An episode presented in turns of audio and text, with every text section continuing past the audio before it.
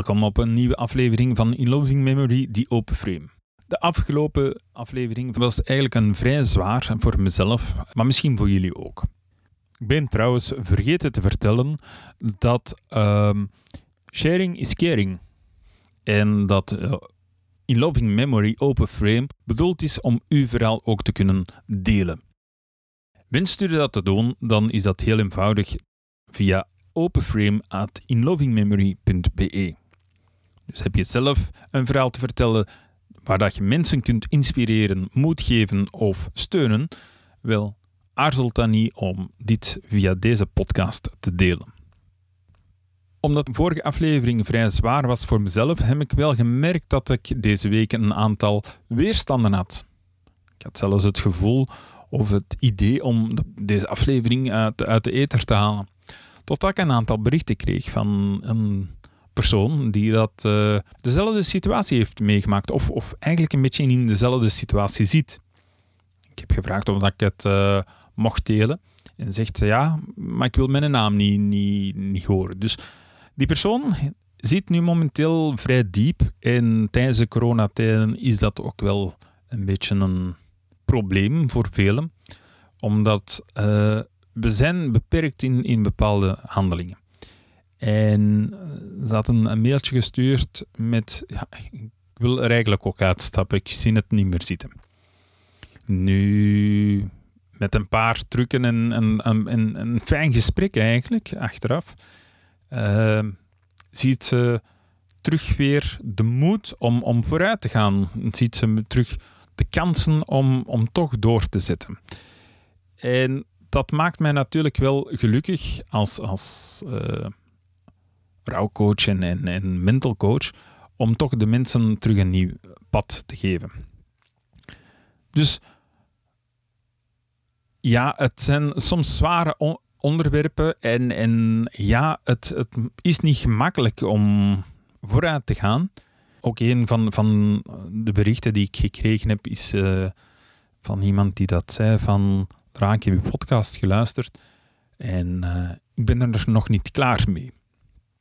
Nu, ja, dat is heel vaag voor mij, hè, niet klaar mee. Ik heb ze terug een berichtje gestuurd met de vraag van klaar met het verwerken of klaar met de start van de verwerkingen? Want dat zijn toch wel twee zaken die dat uh, belangrijk zijn. En dat was het tweede. Ze, ze was er nog niet klaar mee om uh, aan het verwerkingsproces te starten. En dat kan, dat kan en dat is ook oké. Maar eigenlijk um, heb ik ze moeten teleurstellen, omdat ze eigenlijk al bezig is zonder, zonder dat ze het beseft.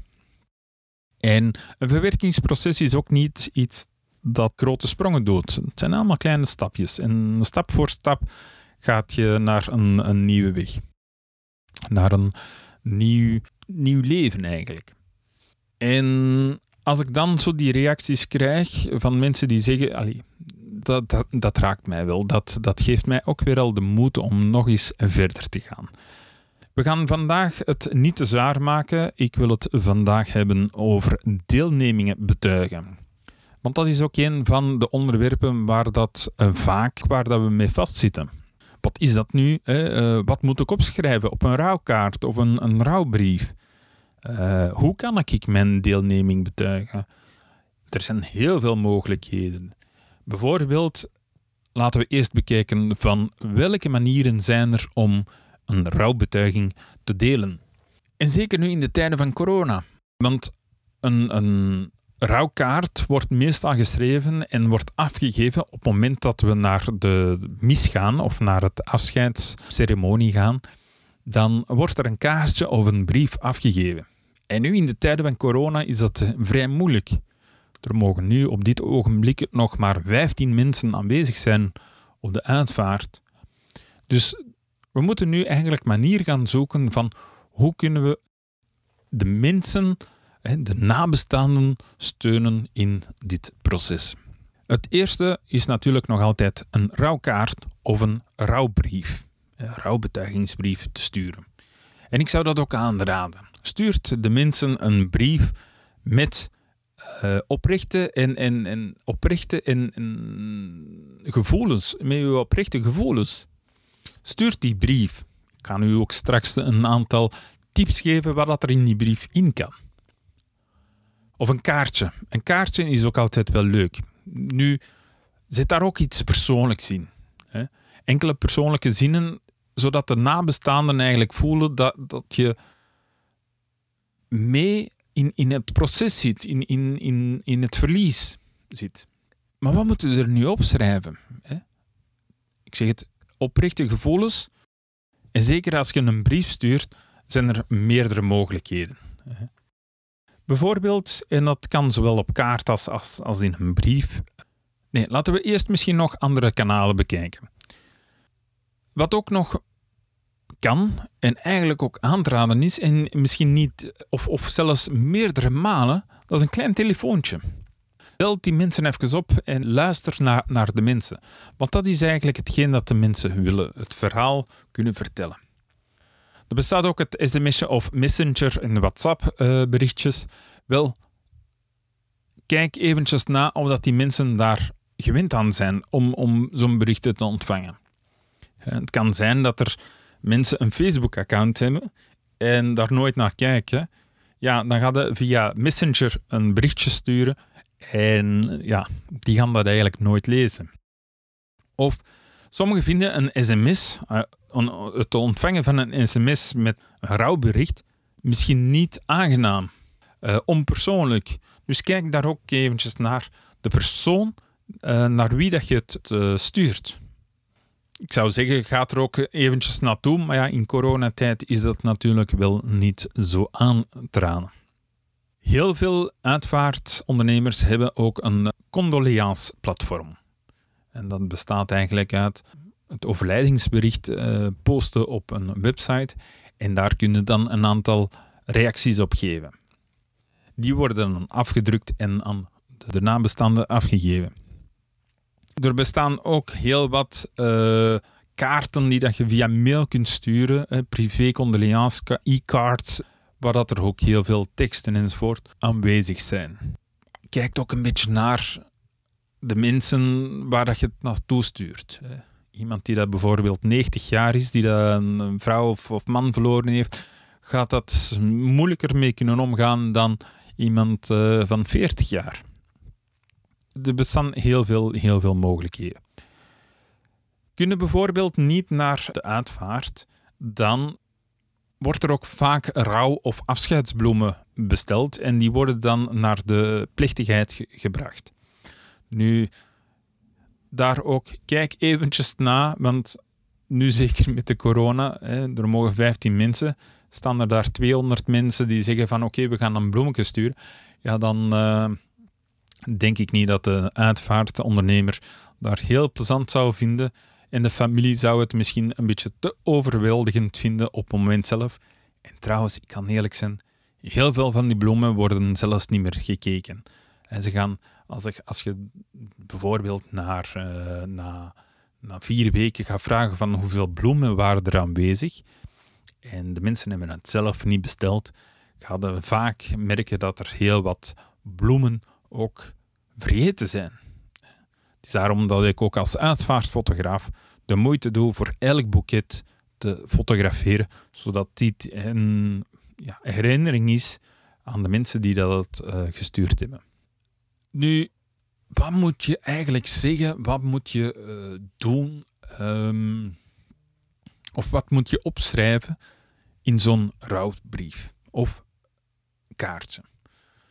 Ik heb het al gezegd, wees oprecht en eerlijk.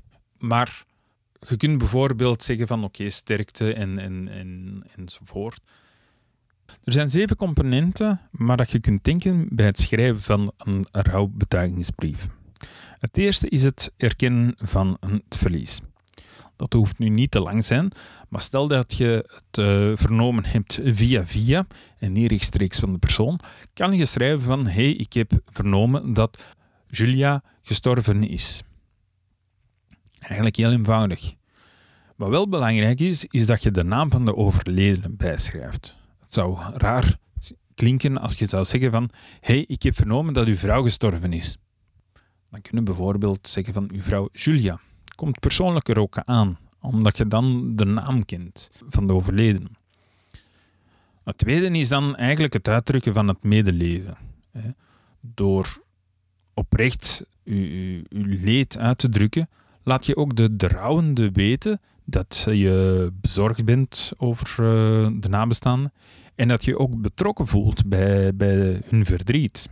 En de vraag is, vaak wordt er gesteld van, moet ik dan doodsoorzaak gaan, gaan vertellen of, of mee inschrijven in die brief? Ja of nee? Wel, ik raad het wel aan. Ik raad het aan, waarom? Uw brief is eigenlijk bedoeld om de mensen te helpen. En door de doodsoorzaak te vertellen, gaan eigenlijk de mensen onbewust, eigenlijk, ik noem het een beetje programmeren, dat het een stap verder. Hè. Die erkenning van vorige week, hè, die eerste stap erkennen dat de persoon niet meer aanwezig is, wel door uw brief, hè, door te zeggen van Roger is gestorven aan kanker of uh, aan dit of dat, dan gaat het eigenlijk onbewust eigenlijk de persoon of de nabestaande helpen. En ook door dat te vertellen, door, door, door het uitdrukken van uw medeleven, gaat het eigenlijk ook het gevoel geven dat de nabestaanden niet alleen staan in het verdriet. Dus als je dan eigenlijk je oprecht medeleven opschrijft, dan geeft het gevoel van oké, ik ben niet alleen aan het rouwen. Dan als je de persoon echt goed kent en uh, je hebt al bepaalde tijd mee, mee plezier gehad en, enzovoort, dan is het ook altijd wel leuk om eens een uh, speciale kwaliteiten van de overledene noteren. Ja, dan gaan we persoonlijke kwaliteiten noteren, zoals hij is moedig, of zijn inzet in verschillende organisaties, of uh, zijn, zijn humor. Als je die punten mee gaat in, inzetten, ja, dan ga je eigenlijk tonen dat je die persoon zeer waardeert. En dan gaat eigenlijk de, de rouwende of de nabestaanden ook uh, zich laten realiseren hoe geliefd en gewaardeerd de overledene was. En dat geeft ook weer al voor de nabestaanden een, een warm gevoel. Nu, als je hem zelf niet persoonlijk hebt gekend, is het moeilijk om daarover te babbelen. En dan raad ik het ook aan om dat niet te doen. Nu, als je dan bijvoorbeeld de, de kwaliteiten vertelt, kan je ook een aantal herinneringen ophalen. En dat is de, het vierde component in de brief. En waarom uh, zou, zou je een aantal herinneringen ophalen? Wel, tijdens de uitvaart of tijdens het, het, de aanloop naar de uitvaart zijn het heel drukke dagen. Heel drukke dagen waardoor dat er weinig tijd is om te verwerken en om bij stil te staan. En ook die eerste dagen na het verlies uh, zijn, heel, zijn de familieleden vaak in een, een toestand van ja, verdoving of, of in een kokon van verdriet. En als je dan eventjes na die uitvaart, uh, een aantal dagen later, eindelijk tot rust komt, tot de stilte komt, dan hebben ze meer tijd om de brieven te lezen. En als er dan één of twee korte anekdoten kan gegeven worden, waar dat de mensen ook mm, ermee kunnen lachen, dan kan dat alleen maar fijn zijn eh, op dat moment.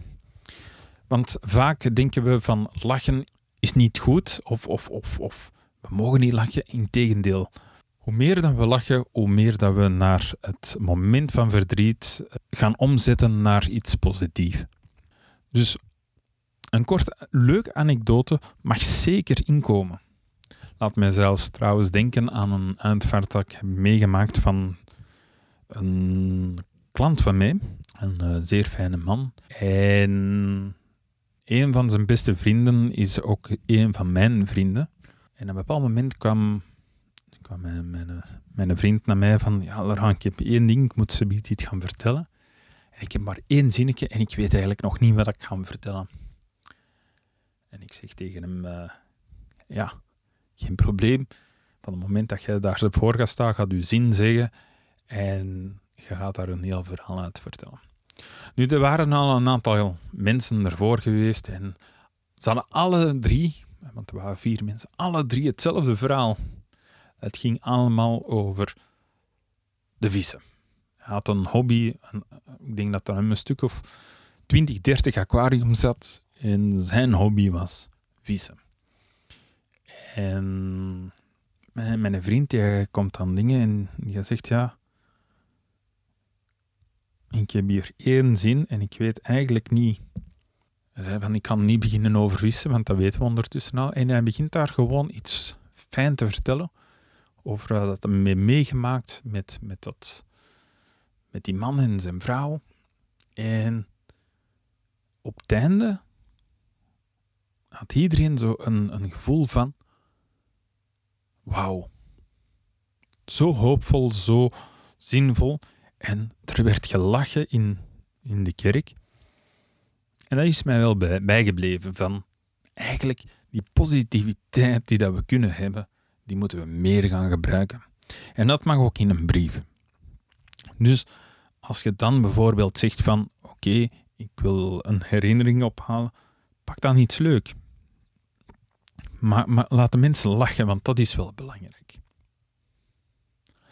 Als vijfde component is het ook wel uh, nodig om, om speciale kwaliteiten op te schrijven voor de rouwende, of van de rouwende, beter gezegd. Wat bedoel ik daarmee? Na de uitvaart krijgen we nog een aantal uh, contacten. Hè.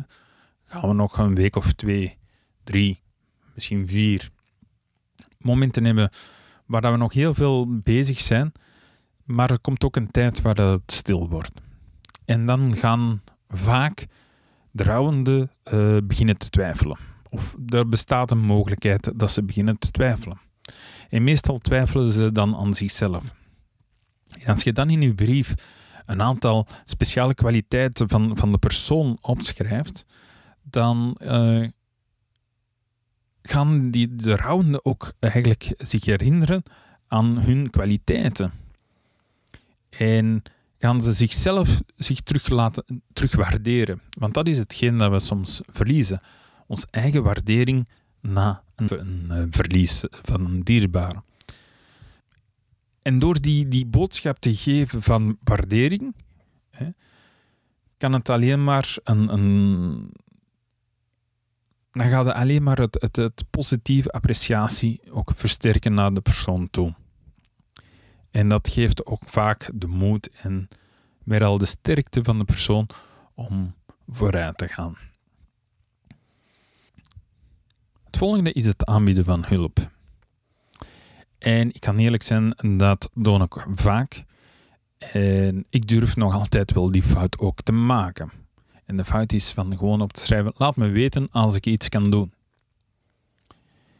Eigenlijk, als we dat opschrijven, laten we eerlijk zijn. Als je zelf iemand verloren hebt, heb je de kracht soms niet om hulp te vragen. Heb je de kracht niet om ideeën te krijgen van oké, hoe kan die persoon mij dan op dat moment gaan helpen? Wat ik voorstel is dan uh, eigenlijk specifieker een aanbod aan te geven. Zoals bijvoorbeeld, ehm, laat mij helpen bij het schrijven van de bedankkaartjes. Of laat mij helpen bij een kopen te doen. Of laat mij voor u eventjes een aantal gerechten klaar te maken.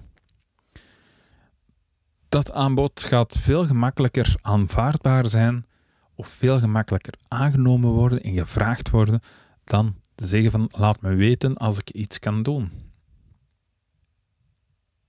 Nu, als je dat ook aangeeft van oké, ik wil hulp aanbieden, neem dan ook die stap af en toe van te zeggen van oké, ik, heb, ik heb het gezegd van ik kan hulp aanbieden, maar doe dat dan ook. Het kan zijn dat de persoon zegt van oké, ik ga, ik wil wel hulp vragen, maar ik durf niet. En dan is het eigenlijk, als je dat dan aangeeft, belt die dan even van zeg, is het goed dat ik dat en dat doe vandaag voor u? Ik zeg het, dan gaan ze veel gemakkelijker ja zeggen dan, dan anders. Nu, je moet ook niet te ver aangaan en, en, en uh, niet beginnen op te dringen. Want daar moet je wel het verschil... Uh, je kunt een aanbod geven, maar je moet, je ook niet opdringen. Als ze nee zeggen, dan is het nee. En dan wachten nog een paar weken en dan kunnen we nog eens even bellen voor te vragen hoe dat ermee is. Soms hulp is eigenlijk gewoon al een teken van hey, ik ben er voor u. Want heel veel mensen denken van ja, ik moet iets doen. Maar soms is, is gewoon de rust geven al, al genoeg. Ik heb het ook meegemaakt met een aantal mensen. En mijn zoon kwam daar heel goed met, met overeen. En op een bepaald moment krijgen we een berichtje van, ja, zou het mogelijk zijn van het verhaal te vertellen aan, aan uw zoon? We hadden dat een beetje verzwegen, omdat uh, een aantal connecties uh, moeilijk waren. En mijn zoon is iemand die dat uh, gemakkelijk de mond voorbij spreekt. Dus we hadden eigenlijk zwegen over een bepaald overlijden. Eigenlijk ook niet goed. Maar ja, je denkt van goed te doen. En mijn zoon kwam regelmatig bij die persoon en ze had er moeilijk mee. Ze had ons een berichtje gestuurd van oké, ik heb het er moeilijk mee. Um, is het mogelijk van mijn tijdje en dat te vertellen aan uw zoon en dat hij mij een tijdje niet, niet aanspreekt en, enzovoort. We hebben dat ook gedaan. We hebben dat gedaan, we hebben dat ook heel duidelijk uitgelegd. Uh, wat er allemaal gebeurd is. En heeft dat eigenlijk vrij goed opgenomen. Nu, achteraf zijn die mensen eigenlijk teruggekomen met een verhaal te vertellen en, en, en terug het, het, het, het goed doen. Dus soms hulp aanbieden is soms ook de tijd gunnen. Dan als dat in de brief staat, dan hebben we nog één punt en dat is het eindigen met een attente zin. Het afsluiten van een brief is eigenlijk heel belangrijk. En de besluitende woorden moeten de echtheid en de van de gevoelens blijken. En dan kunnen we nog eens uh, het medeleven herhalen tal voorbeelden. Wij voelen ons erg verbonden met u en uw familie. Of uw liefde en genegenheid voor hem en wat jullie samen voor ons hebben betekend, zal in onze herinneringen steeds blijven verder leven. Dat zijn allemaal zaken, voorbeelden die dat je kunt gebruiken om, uh, om je brief af te sluiten. En dat is wel ook wel belangrijk dat je je brief op een goede manier gaat afsluiten.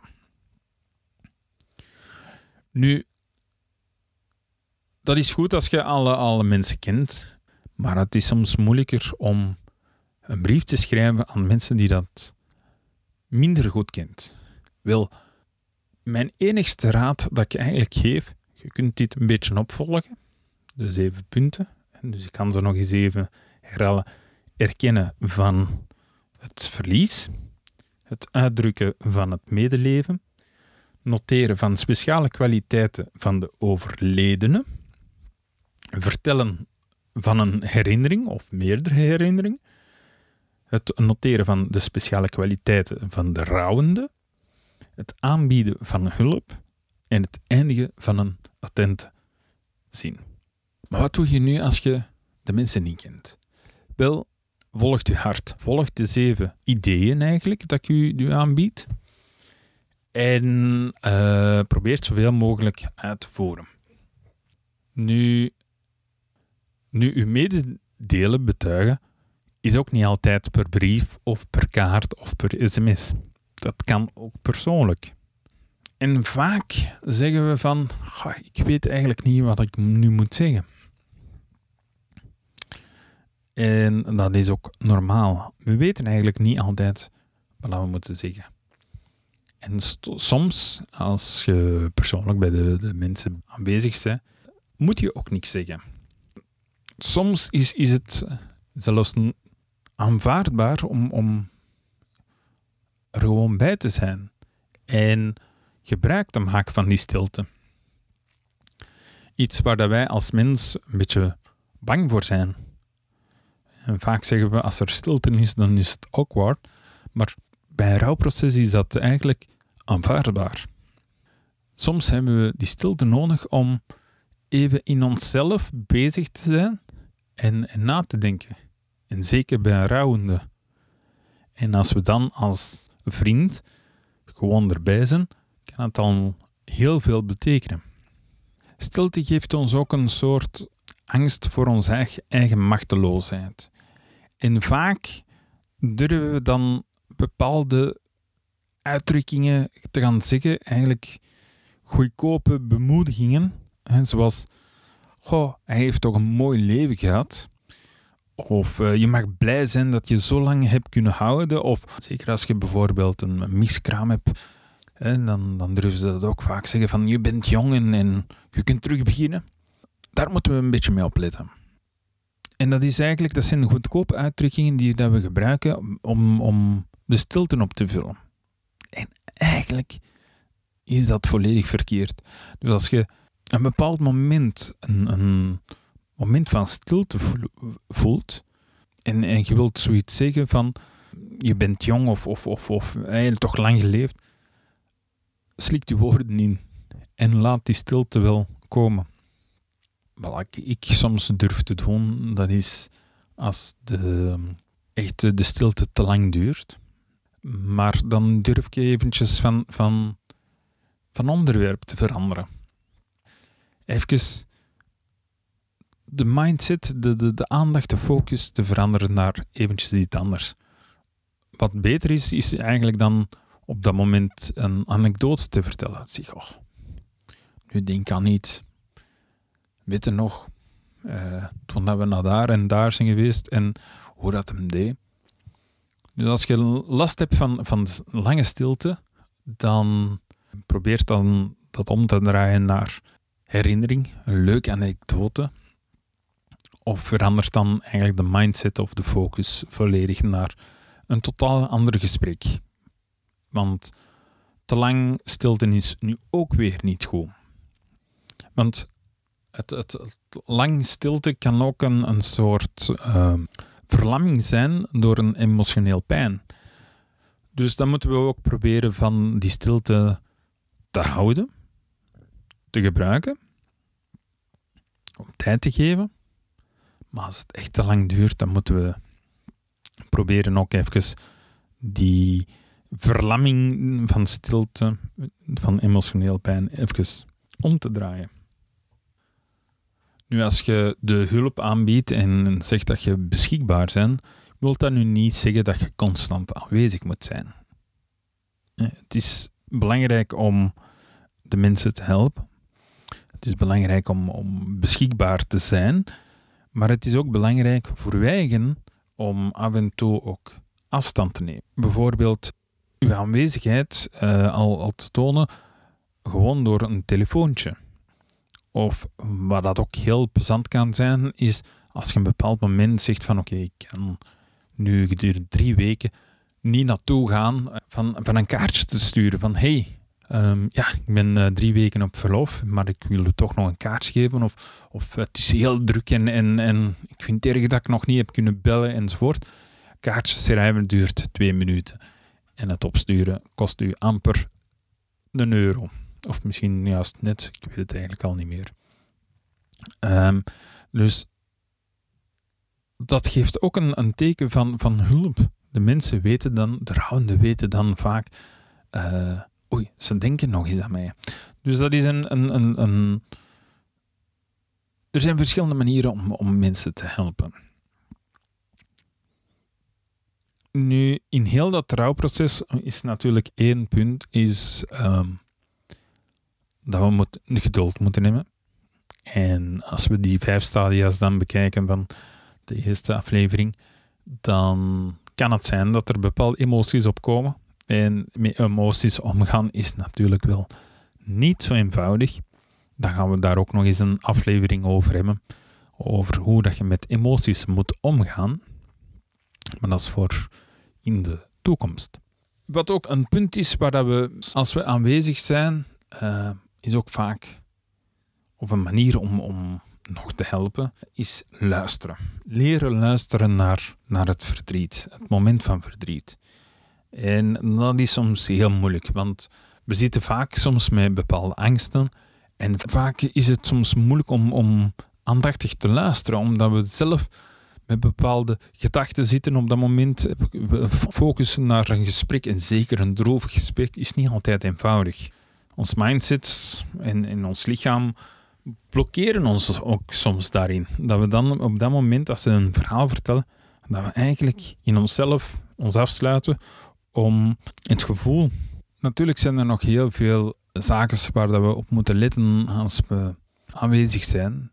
Ehm, dat is bijvoorbeeld luisteren. Maar ik heb uh, beloofd van deze podcast eigenlijk uh, luchtig te houden. Ik heb uh, gesproken over het betuigen van het deelneming en ook over het aanwezig zijn. En ik vind dat eigenlijk allebei, of dat je dat nu met brief of persoonlijk aanwezig bent, dit heel belangrijk is voor, het, voor de nabestaanden. Maar er is natuurlijk heel veel nog te vertellen over het leren luisteren en, enzovoort. Maar dat gaan we nu niet vertellen, want anders wordt het weer al een heel lange podcast. En dat kunnen we wel later gaan vertellen. Ik wil jullie al sowieso bedanken voor het luisteren van deze podcast. En deze keer ga ik het niet vergeten. Wel, heb je zelf een verhaal te vertellen, een verhaal te delen, om mensen hoop en steun en moed te geven, wel, hou het verhaal niet voor je eigen. Want sharing is caring. En uh, dit kan je delen op deze podcast. Wat moet je daarvoor doen? Enkel een mailtje sturen naar openframe.inlovingmemory.be Ik herhaal het nog eens. openframe.inlovingmemory.be Ik wens jullie nog een fijne zondag toe. En we horen elkaar volgende week terug voor een nieuwe podcast of een nieuwe aflevering. Heb je zelf nog vragen? Of zit je met bepaalde emoties waar je niet goed mee kunt omgaan? Aarzel dan ook niet om mij een mailtje te sturen. Ik probeer iedereen vrij snel te antwoorden. Natuurlijk is het niet altijd heel eenvoudig, maar sowieso aarzelt niet om mij te contacteren. Nog een fijne zondag en tot volgende week.